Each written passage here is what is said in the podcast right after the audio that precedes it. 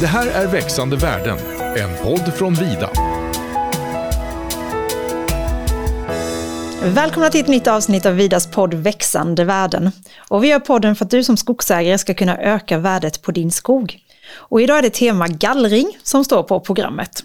Och jag heter Joanna och med mig idag har jag min kollega Pelle Ström. Och sen så har vi med oss två stycken från SLU och det är Ulf Johansson och Martin Gode. Pelle och Ulf, ni har ju varit med tidigare, eh, men för dig Martin så är det första gången så jag tänker att eh, jag blir lite nyfiken på vem du är så du får gärna berätta det. Ja, eh, jag är då ny försökschef på Törneskedens försökspark. Började nu i början på sommaren med det. Min bakgrund är som, jag har jobbat som doktorand nere på Sydsvensk skogsvetenskap i Alnarp och doktorerat på Eh, tillväxtmodeller och klimatförändringar. Har du fått ditt drömjobb nu då på Tönnesjöheden? Eh, ja, nästan. Jag vet att jag diskuterade med en doktorandkollega när jag började doktorera vad vi liksom skulle göra efteråt. Och då var det faktiskt, eh, då sa jag Tönnesjöheden. Skulle bli parkchef där eller då försöks, försöksledare. Så. Ja. Då blev det så till slut. Och eh, Pelle Ulf, ni har ju varit med tidigare, men om man nu skulle mot all förmodan ha missat de avsnitten, vilka är ni då? Ja, eh, Pelle Ström heter jag då, eh, har varit på Vida i 12 år, Jobbar jobbat som virkesköpare i 8-9 år i början, 8 år, och sen har jag jobbat då som skogsbrukschef här några år. Och jobbar ju då med utveckling och skogsbruksfrågor eh, till stor del och springer på bland annat Ulf här i, i, i tjänsten många gånger. Eh, så det är kul att ha dem på plats. Välkomna!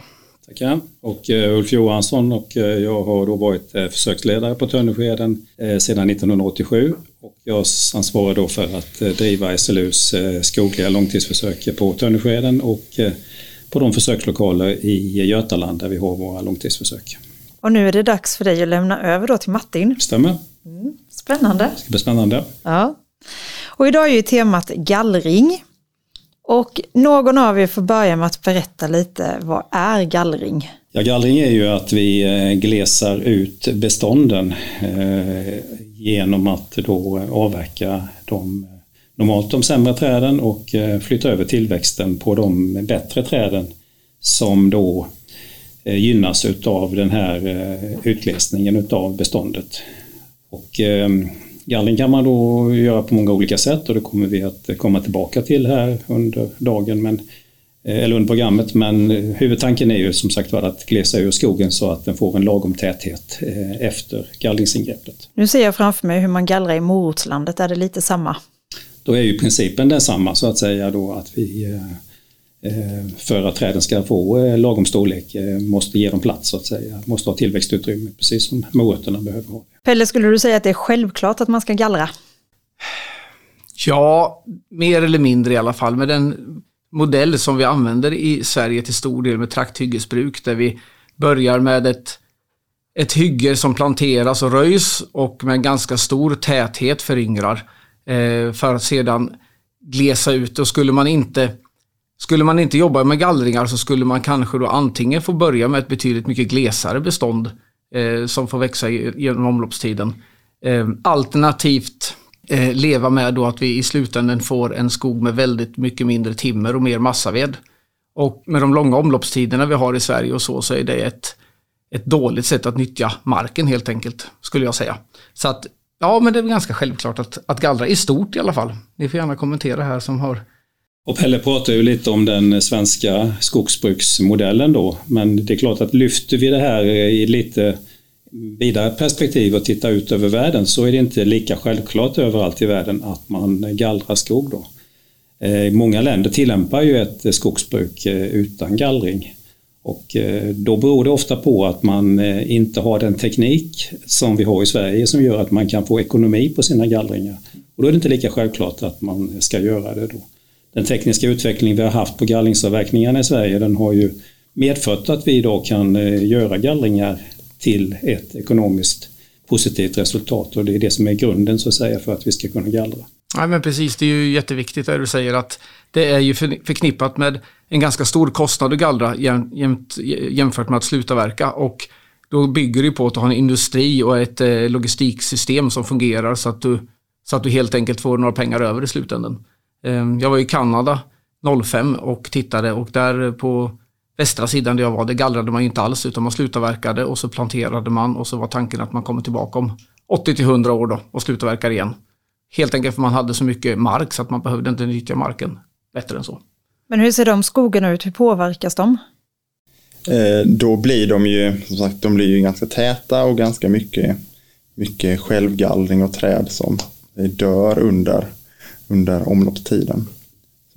Och då står de kvar då, de döda Eh, träden? ja, så det är ju det som, om man säger, gallringen, men sko, skogen naturligt sköter ju gallringen själv kan man säga. Och det som vi som skogsbrukare gör då när man gallrar, gallrar det är ju att man gör det aktivt och tar tillvara på de här träden som kanske annars hade bara stått och dött. Man kan ju lite förenklat säga att skogen har ju inte behov av gallring. Det är ofta skogsägaren som har ett behov av gallring för att man vill uppnå någonting. Skogen i sig klarar sig alldeles utmärkt utan att gallra. Utan det är vårt behov av framförallt eh, värdefullt timmer i slutänden som gör att vi vill gallra. Och en aspekt på det som vi kanske inte alltid tänker på det är ju att eh, vi med gallringen får också en, eh, en, en eh, möjlighet att eh, komma in i bestånden. För att i samband med gallringen så lägger vi ju normalt stickvägar som maskinerna arbetar ifrån. Och där är det ju så att eh, om man då inte har några gallringar då, då är ju inte skogen åtkomlig. Och sker det en skada, till exempel en vindfällning eller ett granbarkborreangrepp så kommer vi inte åt eh, träden helt enkelt och hämta ut de skadade träden ifall vi inte har några stickvägar. Det, kan ju inte, det finns ju andra typer av skador också, det kan vara skogsbrand och så vidare som kan inträffa. Så att eh, gallringen ger ju det också den eh, fördelen att man får en åtkomst helt enkelt till sin skog då genom att man har ett vägnät i den. Du nämner ju stickvägar. Vad behöver skogsägaren tänka på kring det när de anlägger skogen eller vägarna? Eh, ja, men våran absoluta, eh, när vi rådger, som vi försöker säga, det är att man i tid, redan med första gallringen, tar upp tillräckligt breda skogsvägar så att man inte behöver bredda de här mer under omloppstiden. Man tar en stickvägsbredd på kanske 4-4,5 meter någonstans som man får plats med normalstora eh, gallringsskördare och skotare. Och sen rör man inte träd, träden i kanten på den här vägen rör man inte mer under omloppstiden egentligen. För de här blir ju då utsatta för mer ljus och får mer näring och kommer växa bättre och ger en stabilitet i beståndet över tid. Eh, och rör man de här och breddar upp och tar, man kanske börjar med en 3 meters väg och sen breddar den till fyra nästa gång. Då tar man bort mycket av tillväxten och mycket av stabiliteten i beståndet framåt. Eh, ni får gärna komplettera det, ni kan detta säkert bättre än vad jag kan det, men jag, så har jag lärt mig och det är det jag jobbar utifrån. Jo men precis, vi brukar väl också säga det att man, man ska försöka göra en bred stickväg redan från början just för att eh, ja, framförallt ur ett stabilitets, stabilitetssynpunkt att träden som står där de blir utsatta för, lite, de blir utsatta för mer vind och kommer att stabilisera sig och tar man sen bort dem senare i, vid en senare gallring och då blir det nya träd som hamnar där i kanten och blir vindutsatta som inte är anpassade till det här. Och då är risken för vindskador väldigt stor på just de träden som står i kanten. Alltså jag hörde ju att Pelle var för gallring. Men är ni forskningen det också? Eller vad säger er, era? Ja, vi är präglade utav den här eh, svenska skogsbruksmodellen där gallringen ingår så att säga. Och, eh, vi ser ju många fördelar då och det är naturligtvis, eh, gör ju skogsnäringen också och det är ju därför man gallrar. Men eh, man ska komma ihåg då att det finns ju risker med gallring också då. Det finns en, en, en uppsida men det finns en nedsida också. Och eh, då kan man säga att det, det finns ju exempel på bestånd där man eh, kanske då inte ska eh, utföra gallring. Så att eh, i merparten av våra skogar ska vi, ska vi sannolikt gallra för det är ekonomiskt fördelaktigt för skogsägaren. Men det finns eh, vissa exempel där vi då eh, bör avstå från eh, gallring då. Ja, det får du ju utveckla. Vad är det för bestånd? Det kan vara till exempel bestånd med eh, stor andel röta i. Det är ju en av riskfaktorerna med, med gallringen, det är ju att vi, vi, kan få in röta i bestånden genom att eh, den här rötsvampen som orsakar rotröta sprider sig eh, med sporer som landar på de färska stålbytena när vi gallrar. Och eh, det kan finnas bestånd då som vi antingen inte vill ha in det här och inte ska gallra av den anledningen. Eller där vi har väldigt mycket röta och där vi inte ska gallra av den anledningen. Det finns också bestånd som ligger väldigt vindutsatt till. Eh, till exempel i väldigt exponerade kanter mot eh, öppen mark. Där vi av eh, goda skäl kan misstänka att risken för vindskador är väldigt stor. Där ska man också ifrågasätta om man ska gallra överhuvudtaget. Där kan det vara bättre att köra i ett gallringsfritt skogsbruk. För det ogallrade beståndet är normalt det mest vindstabila beståndet. Så det finns ett antal exempel där man då, det är inte självklart att man ska utföra gallringen. Men om det var de bestånden där man inte bör gallra, finns det några sådana bestånd där man absolut bör gallra? Ja, det är väl kan man säga det, det normala. Mm. Eh, och, det, är de, det är de flesta bestånd mm. där man ju normalt har eh, en eh, bättre ekonomiskt utfall utav att utföra gallringen och då är det inte bara så att säga den enskilda gallringstillfället utan då är det gallringen satt in under en omloppstid att vi kan så att säga på hela Eh, omloppstiden få ett högre värde ifrån skogen, en högre värdeproduktion när vi utför gallringen. Och så är ju normal, det är normalfallet kan man säga. En, någonting som har diskuterats i tid för annan är ju att man kan anlägga betydligt glesare planteringar, glesare skogar och sen kanske då jobba med gallringsfritt. Men det är ju ingenting som har slagit igenom speciellt hårt. Eh, kan någon av er utveckla varför var, varför planterar man inte tusen granar per hektar till exempel och sen kör gallringsfritt? Va, va, vad är det som gör att det ofta är bättre att plantera fler men att avveckla många av dem över tid?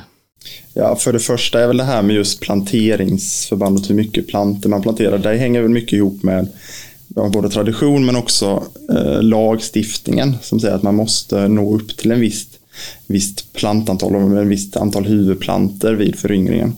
Eh, och då kan man ju sätta färre plantor och eh, lita på att man får naturlig föryngring. Men vågar man inte riktigt det, men då kanske man som normalt sett, ja men då planterar man en 2-2,5 tusen plantor per hektar. Eh, och då har man, har man planterat så, så mycket plantor, då kanske man inte vill vill, om man sen då säger att vi ska ha ett gallringsfritt skogsbruk, då kanske man å andra sidan måste röja ganska starkt så att man har ett rätt glest ungbestånd och då kanske, det kanske man inte riktigt vill om man har investerat i de här plantorna och planterat ut dem. Då kanske det, det första man gör med beståndet sen är att röja bort dem. Det kanske inte riktigt är det man vill. Alltså du tänker lite att när man väl anlägger de här ganska täta bestånden då blir det naturligt att då, då följer ett program med gallring. Ja, ja, precis, för då vill man utnyttja den här, har man investerat i den här täta skogen, ja men då vill man kunna utnyttja det och göra några gallringar och, och få inkomst under, under omloppstidens gång. Så att säga. Nej, för vi, vi på Vida förespråkar ju eh, kanske ganska naturligt att vi vill ju att man ska eh, skapa eh, virkesrika, värdefulla timmerskogar i framtiden. Det är ju det är vårat behov naturligtvis av, av timmer och vi är också övertygade om att det är det rätta att eh, med stor andel timmer och timmerskogar så kan man också långsiktigt få många lång, såna här produkter, långlivade produkter eh, från sin skog. Och det tror vi är det som är det rätta i framtiden när det gäller klimat och så vidare. Så att vi förespråkar att man har de här ganska täta ungskogarna och gallrar och skapar riktigt fina eh, timmer, timmerskogar över tid. Då. Till detta kan man ju också då lägga att eh, vi vill ju tillväxtmässigt vill vi åstadkomma en trängseleffekt i ungskogen. Och eh, det som ligger bakom det, det är ju att eh, den fiber som anläggs i trädet när trädet är ungt, den eh, brukar vi kalla för eh, ungdomsveden eller den juvenila veden. Och den veden har ju sämre fiberegenskaper vad gäller hållfasthet och eh, andra eh, egenskaper som präglar fibern än den ved som anläggs när trädet mognar och blir äldre. Och de här ungdomsveden den anläggs ju i trädet fram till på en bra granmark här i södra Sverige fram till det är 20-25 år gammalt ungefär, när vi så att säga eh, gör den första gallringen. Och då vill vi under den tiden att träden ska stå och trängas så den här andelen ungdomsved i trädet blir, inte blir för stor. Och eh, sedan är det mera oproblematiskt när vi har kommit, passerat den här första 20-25 åren att lägga på tillväxten när vi då börjar gallra och öka eh, dimensionen på de kvarvarande träden. Alltså det brukar ju gå trender i det mesta. Går det trender i gallring med eller har vi haft de här tankarna för 40 år sedan också, eller hur såg det ut då? Nu var inte jag med så det tror jag Ulf får svara på. jo men alltså det, det, visst går det trender, det kan man väl säga då. Synen på gallringsprogrammen har ju ändrats över tiden. Um, sen om man ska kalla det för trender eller att det mer är att man kanske då anpassar sig till omgivningsförutsättningarna och att man kanske då efterhand vinner nya kunskaper som gör att man eh, ändrar sitt beteende. Då. Men men visst är det så. Synen på gallringar har ändrats över tiden och det är inte samma gallringsprogram idag som det var för 50 år sedan. Jag tänkte på en annan sak du sa innan Ulf. Du pratade om det här med röta och med stubbar. Men visst kan man behandla stubbar så de inte sprider röta? Eh, ja, precis. Eh, och det gör man ju då i samband med att man, i samband med gallring eller att när man avverkar ett träd så kan man eh, spruta på ett medel, en slags, ja, en annan svamp kan man säga, som eh, då tar sig på stubben och bryter ner den men som då inte sprider sig till några levande träd eller är liksom ja, farliga på det sättet. Så som rottickan annars hade gjort. Nej, ja, förlåt.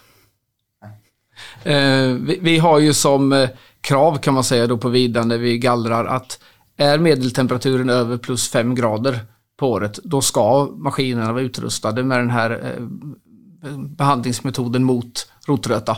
Eh, man har ju en vattentank och så blandar man i ett, det här svamppulvret kan man säga då som man täcker svamp, eller stubbarna med. Och så mäter man då att man har en tillräckligt hög eh, täckningsgrad och man brukar färga det här medlet också så att det blir rött eller lila eller så på stubbarna så man ser att, att det täcker.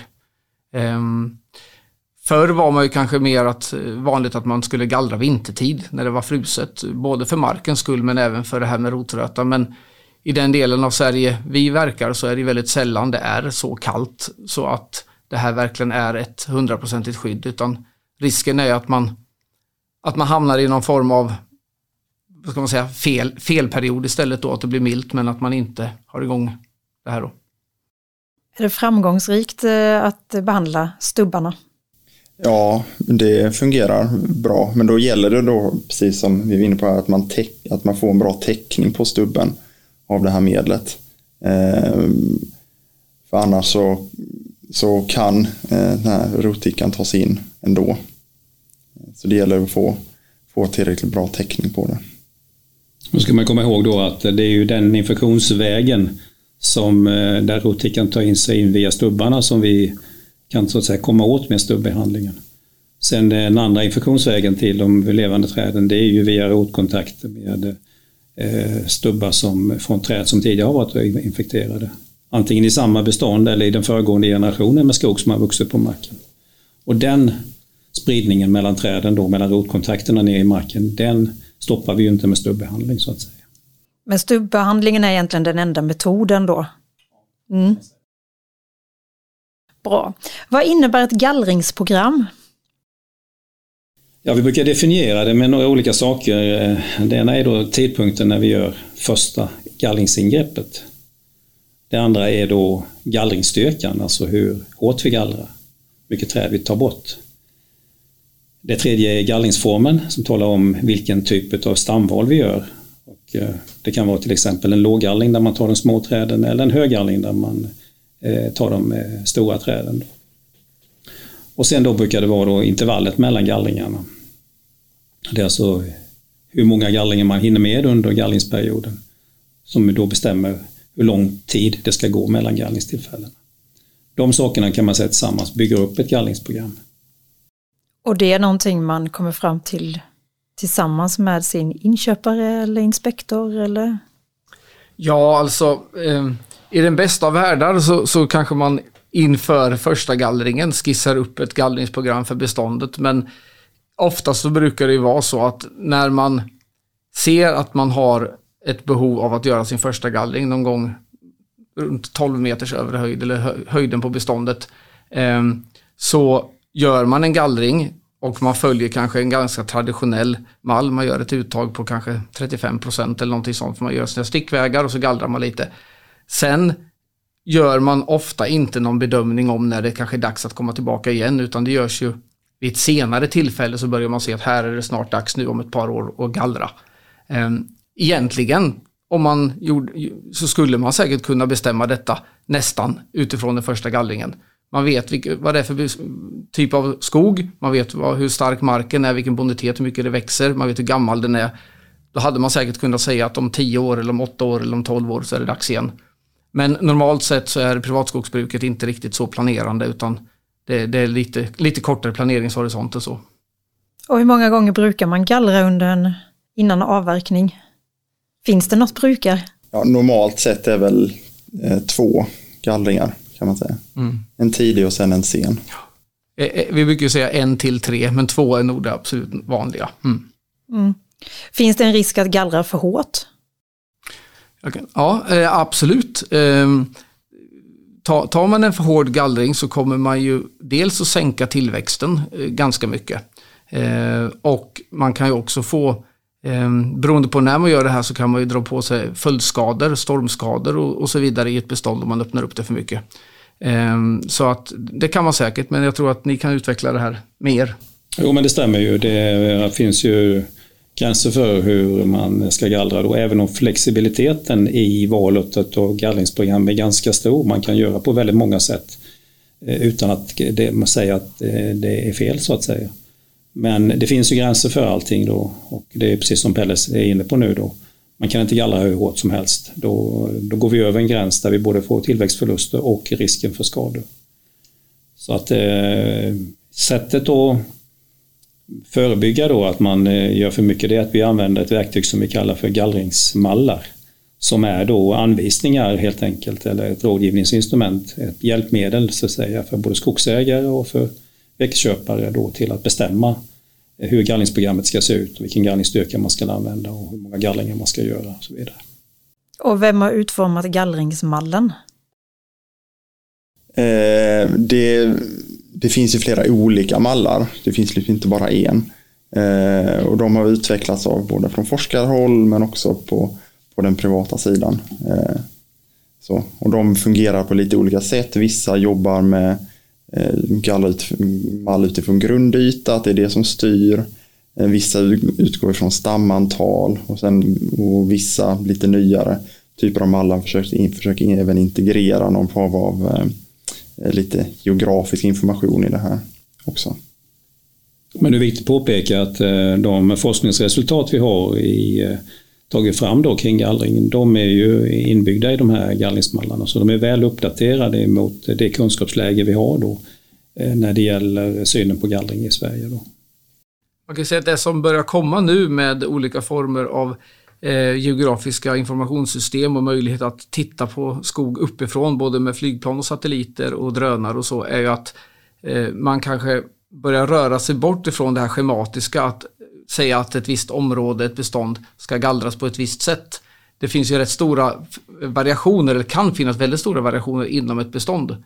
Beroende på eh, topografi och sådana saker. Det kan ju växa nästan dubbelt så bra i ena änden mot, mot den andra änden.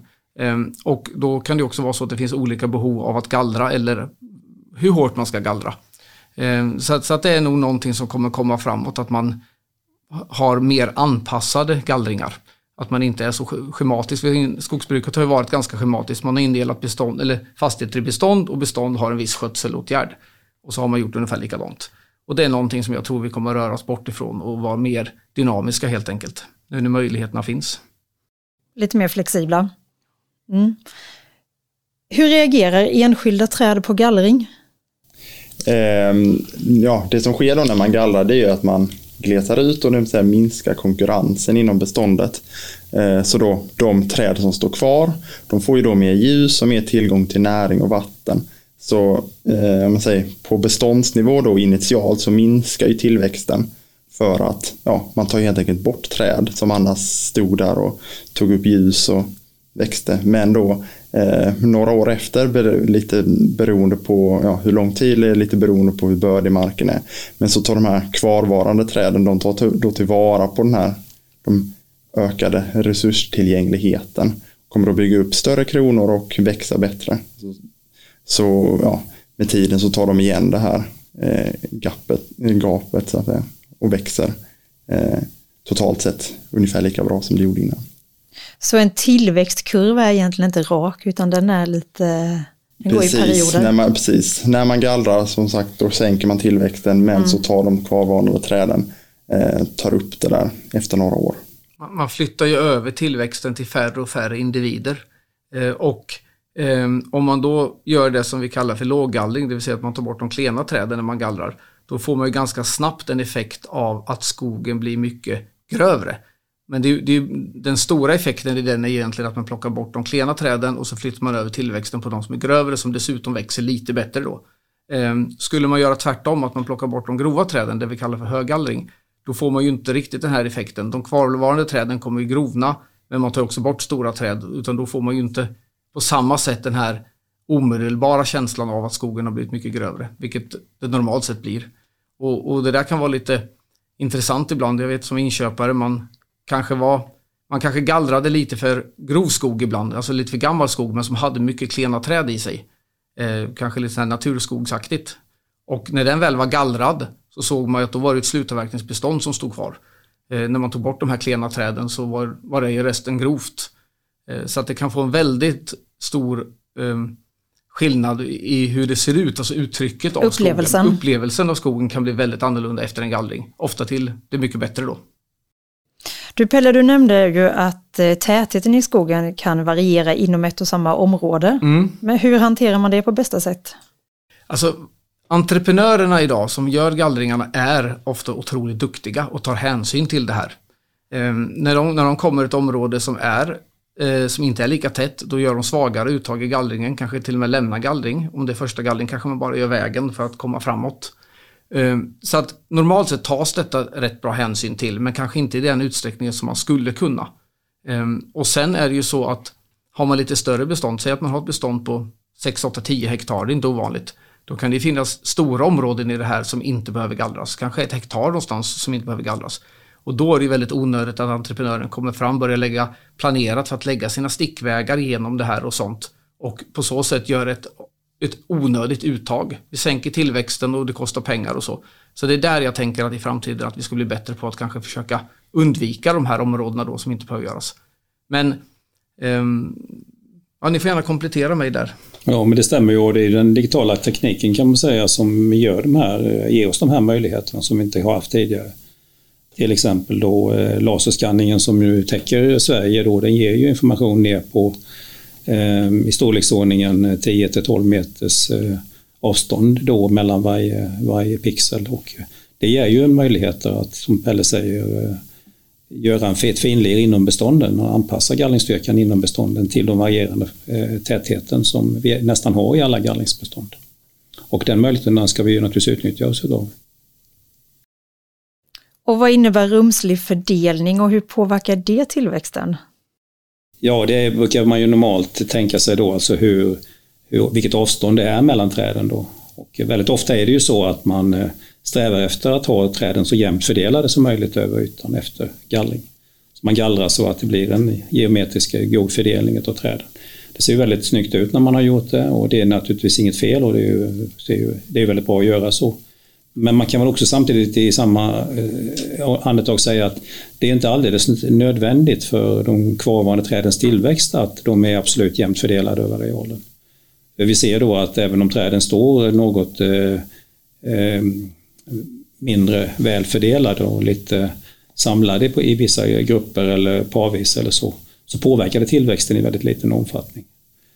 Ehm, och det viktiga budskapet med det kan man säga då, det är ju att det är bättre att lämna två bra träd som står nära varandra än att lämna eh, ett dåligt och ett bra träd bara för att de ska bli jämnt fördelade över arealen. Det är, det är inget fel att ha dem jämnt fördelade men det är liksom inget självändamål i sig då utan det är bättre att satsa på bra träd även om de inte skulle vara perfekt geometriskt fördelade över beståndet. Nej, men precis, man kan ju säga, som en, ett exempel är ju, du har två stycken träd som står nära varandra båda två är fina, grova och växer bra. Det är ju väldigt, det är inte så troligt att något av dem under en snar framtid skulle börja växa dåligt eller hända någonting med utan de står ju uppenbarligen på en gynnsam plats och så vidare och kommer ju fortsätta göra det. Och tar man då bort ett av de här bara för att man ska göra den rumsliga fördelningen så är risken att man sänker tillväxten eller så vidare på det här området för mycket. Utan det gäller att försöka, som ni säger här, att, att, att skapa den rumsliga fördelningen fast på en, en större yta. Men det gäller också att ha ögonen med sig och ta ett beslut där och då. Vad som blir bäst för skogen. Att gallra är verkligen en svår konst. Jag vet när jag var ganska ny som virkesinköpare så av någon anledning så snitslade jag ett mindre område som skulle gallras. Jag märkte upp alla träd som skulle gallras. Och det första entreprenören gjorde var att ringa mig och fråga om det var okej okay att han struntade i min uppmärkning och göra som han ville istället. Det var en, första och enda gången som jag försökte märka ut. Jag antar att du sa att det var okej. Okay. Det var okej. Okay. Ja, det ja. var okej. Okay. Så att eh, nej, det är inte lätt. Nej, och jag tänker att entreprenörerna är ju väldigt viktiga för oss på Vida i många sammanhang och speciellt i gallring också. Berätta lite om entreprenörernas del i det och vilka typer av maskiner använder man och så vidare. Oj, ja. Maskiner man kan använda är allt ifrån de här riktigt små eh, som man kallar då beståndsgående där man tar upp vägar mer för att kunna köra ut virket. Man kanske tar upp vägar med långa avstånd och så kan de här maskinerna då röra sig inne i beståndet och, och avverka skog och lägga ut. Eh, det är ju någonting som kanske inte är så jättevanligt eh, som entreprenör åt Vida utan normalt sett så har vi det som kallas för de stickvägsgående maskinerna. Lite större maskiner, eh, i mångas ögon väldigt stora maskiner. De är ganska stora.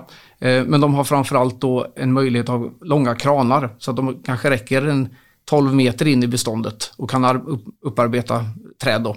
Och det gör ju att man, kommer, man får isär de här stickvägarna istället med ganska stort avstånd.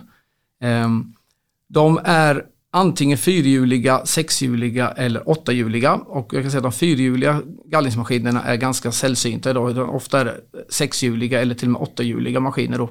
Eh, och det är ju för att öka bärigheten och orsaka mindre markskador när man gallrar. Eh, de kan vara utrustade med band eller inte med band. Eh, band har man ofta för att komma fram på lite taskigare marker, alltså blockiga marker eller väldigt blöta marker. Men det kan också beroende på mark ska, det kan antingen vara bra för trädens rötter eller dåligt beroende på hur marken ser ut om man har band på då. Eh, men det hjälper till att fördela trycket ganska bra. Så en, en, ganska vanlig maskin är en, som vi kallar en typ en John Deere 1070. Eh, en ganska vanlig maskin.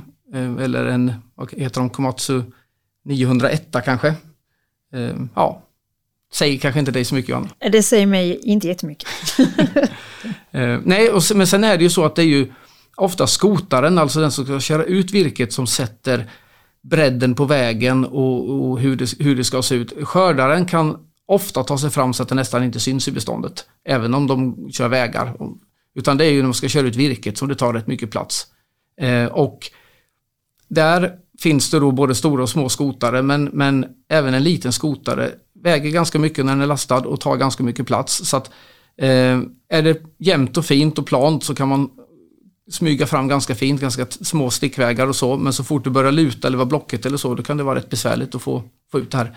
Och det är som ni sa innan att vissa områden kan ju vara så dålig terräng så att det inte lönar sig att gallra. Det, det blir helt enkelt för dyrt och för stora vägar, för mycket vägandel för att få ut det här virket. Ehm, jag vet inte om du har svar på din fråga Johanna? Jo då, det var långt. Vad säger du Ulf om entreprenörernas del i gallringen? Den är otroligt viktig. Och eh, det har gjorts eh, många studier på det här då. Och eh, de studierna säger ju ganska entydigt att den kvalitet man får på gallringsarbetet vad gäller skador på kvarvarande träd, skador på mark och så vidare, de är nästan alltid beroende av föraren i maskinen. En förare i maskinen som är skicklig på det här och som är tränad på det här då gör ofta ett väldigt bra jobb som är skadefritt. Ehm, och tvärtom, en ovan förare har betydligt större fel, eh, fel eh, marginaler här då i gallringsarbetet. Så att eh, det är otroligt viktigt vilken träning som de förare som sitter i maskinerna har. Ja, men bra kunskap att ta med sig att, när man, att det kanske också ibland är bättre att betala lite mer då för någon som är skickligare. Absolut, man får ju tänka på att gallring är i första hand en beståndsvårdande åtgärd. Man ska skapa ju någonting och då, då är det ju så att ska föraren behöva stressa för att göra det här så är ju risken stor att antingen skador, synliga skador eller helt enkelt dåligt gallrat. För högt eller för lågt uttag eller felaktiga träd eller så. Det är någonting som kanske är svårt att se efteråt men som kan ha väldigt stor betydelse eh, i framtiden.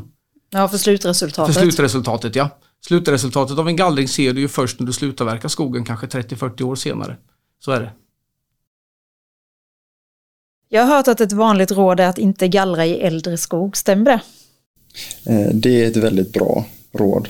För det som vi vet är ju att framförallt vindskador och risken för vindskador ökar eh, väldigt mycket ju högre eh, träden blir eller ju högre skogen är.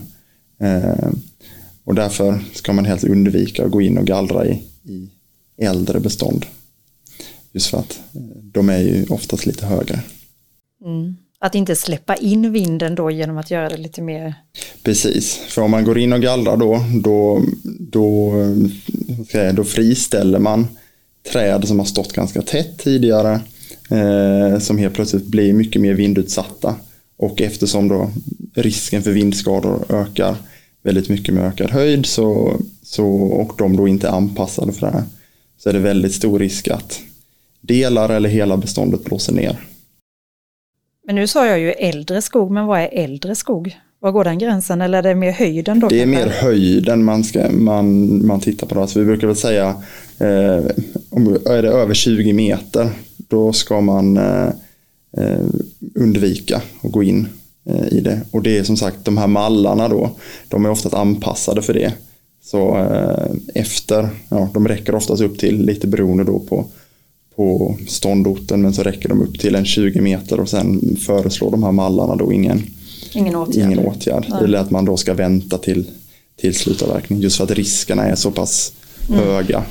Det är också så att har du ett helt ogallrat bestånd som har hunnit bli ganska gammalt och högt då har du ju byggt upp en stor gemensam grönkrona kan man säga på hela beståndet men varje träd har ju väldigt lite grönmassa. Eh, och det är grönmassan som är motorn i skogen och om du då går in och börjar plocka ut Träden kan ju bara växa, så det är toppen som växer uppåt. Så att för att den ska bygga en grönkrona så måste toppen växa ett antal meter upp då för att skapa en stor grönkrona. Och den, av, den tillväxten avtar ju med höjden. Så är beståndet kanske 20 meter och kanske kan nå 25 meter, då har du max 5 meters möjlig tillväxt kvar. Medan med beståndet är 12 meter och det kan bli 25 meter, ja då har du ju jättemånga meter på dig att bygga upp en grön krona.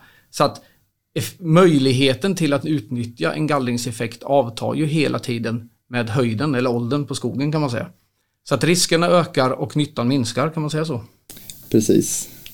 Så eh, ja, väger man ihop de här två så, så kanske man då ska avråda att gå in sent. Mm. Även om det kanske ofta blir att man går in sent just mm. för att man inte har gallrat tidigare och då känner man att man, man vill gallra, man vill få den här intäkten eller liksom glesa ut skogen. Eh, och då kanske man ändå går in lite senare. Eh, det, det, kan ju kännas tufft att inse att tåget har gått och att nästa alternativ är att avverka den här skogen fast att den upplevs som att den är klen. Men, men ofta så är den, ja den är klen men det finns ofta ganska mycket grova träd i det här också faktiskt. Och dessutom så så kan det vara betydligt mycket bättre ekonomiskt att man faktiskt avverkar den här skogen istället och inte gallrar den och sen börjar om. Eh, det är det vanliga. Ehm, men ehm, jag har själv haft sådana bestånd och det, det är ganska tråkigt att ta det beslutet. Man hade ju hellre velat att den, att den kunde få fart så att säga. Mm. Men det är återigen, jag vet att vi har sagt det många gånger i den här podden, att det är planering det handlar om. Planering och att vara aktiv i sitt skogsbruk. Mm. Jag funderar lite på det här med eh, blandbestånd också. Om det inte bara är gran och tall, hur hanterar vi det? Ja, det är ju en väldigt vanlig situation då. Ehm, och eh, ibland gallrar vi ju i rena tall och granskogar, men det allra vanligaste är ju att vi har träslagen blandade. Och ehm, där kan man säga, det gäller ju de gamla reglerna som eh, många skogsbrukare har lärt sig. Ehm, på de bättre markerna där gynnar vi normalt granen och på de svagare markerna där gynnar vi tallen.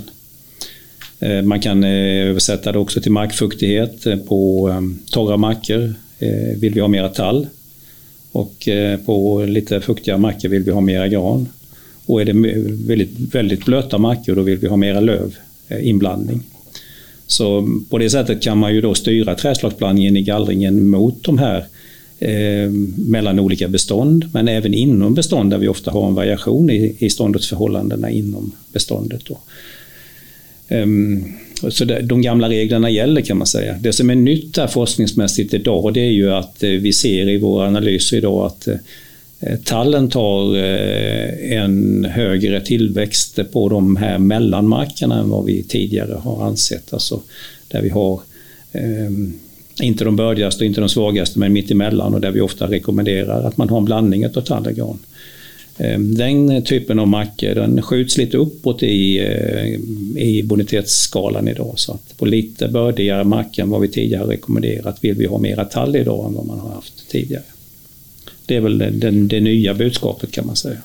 Eh, det som man kanske också ska tänka på just kring det här med träslottsblandning är ju, är ju också där om man, man har en inblandning eller framförallt vill bevara en inblandning av björk i, i ett bestånd så måste man ju tänka på det ganska mycket när man gör och anpassa gallringen till det så att man verkligen gynnar de här björkarna som står där eh, så att de kan fortsätta eh, växa även i framtiden.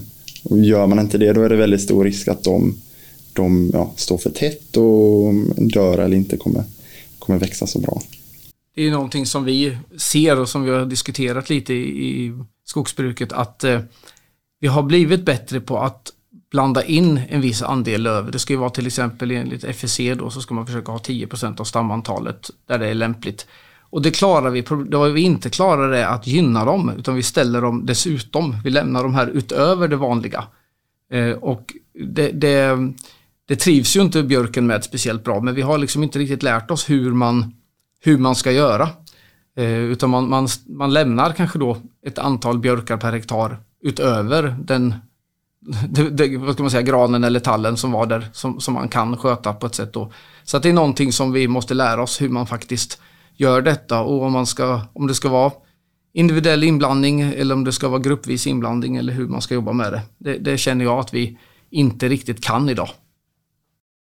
Men så som ni förklarar för mig nu så är det ju återigen att man med gallring kan verkligen utforma sin skog och eh, uppfylla de målen man har med sitt skogsbruk.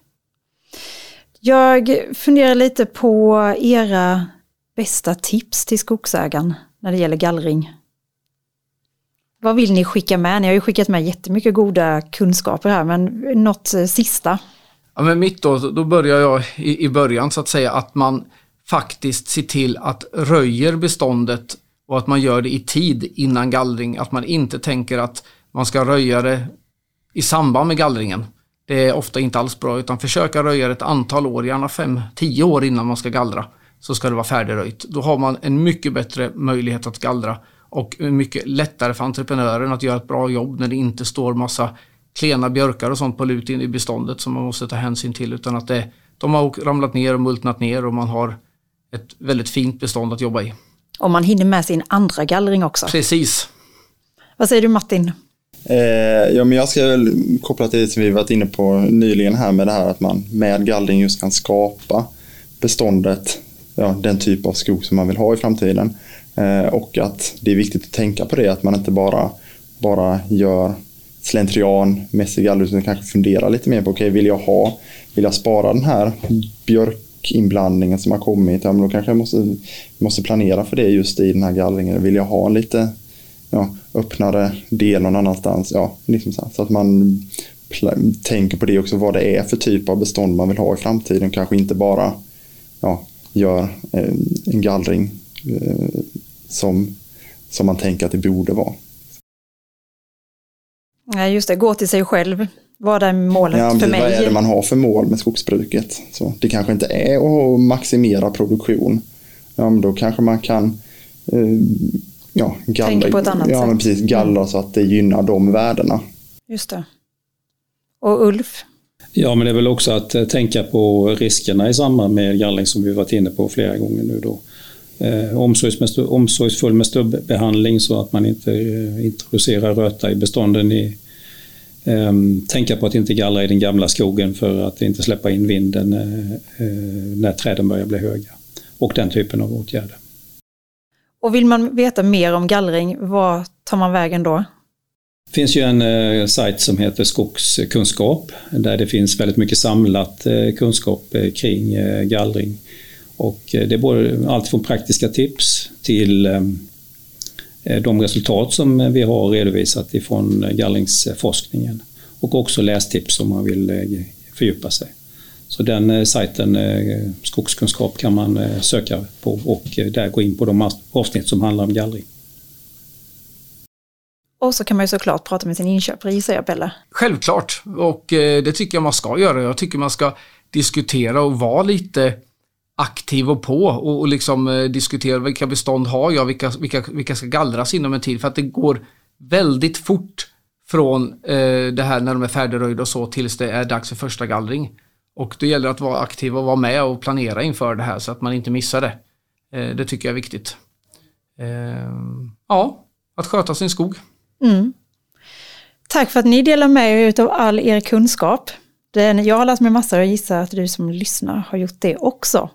Och med det så tror jag att vi tackar varandra, eller vad säger ni? Mm, tack så mycket. tack. tack så mycket. Vi hörs igen. Hej då. Det här är Växande värden, en podd från Vida.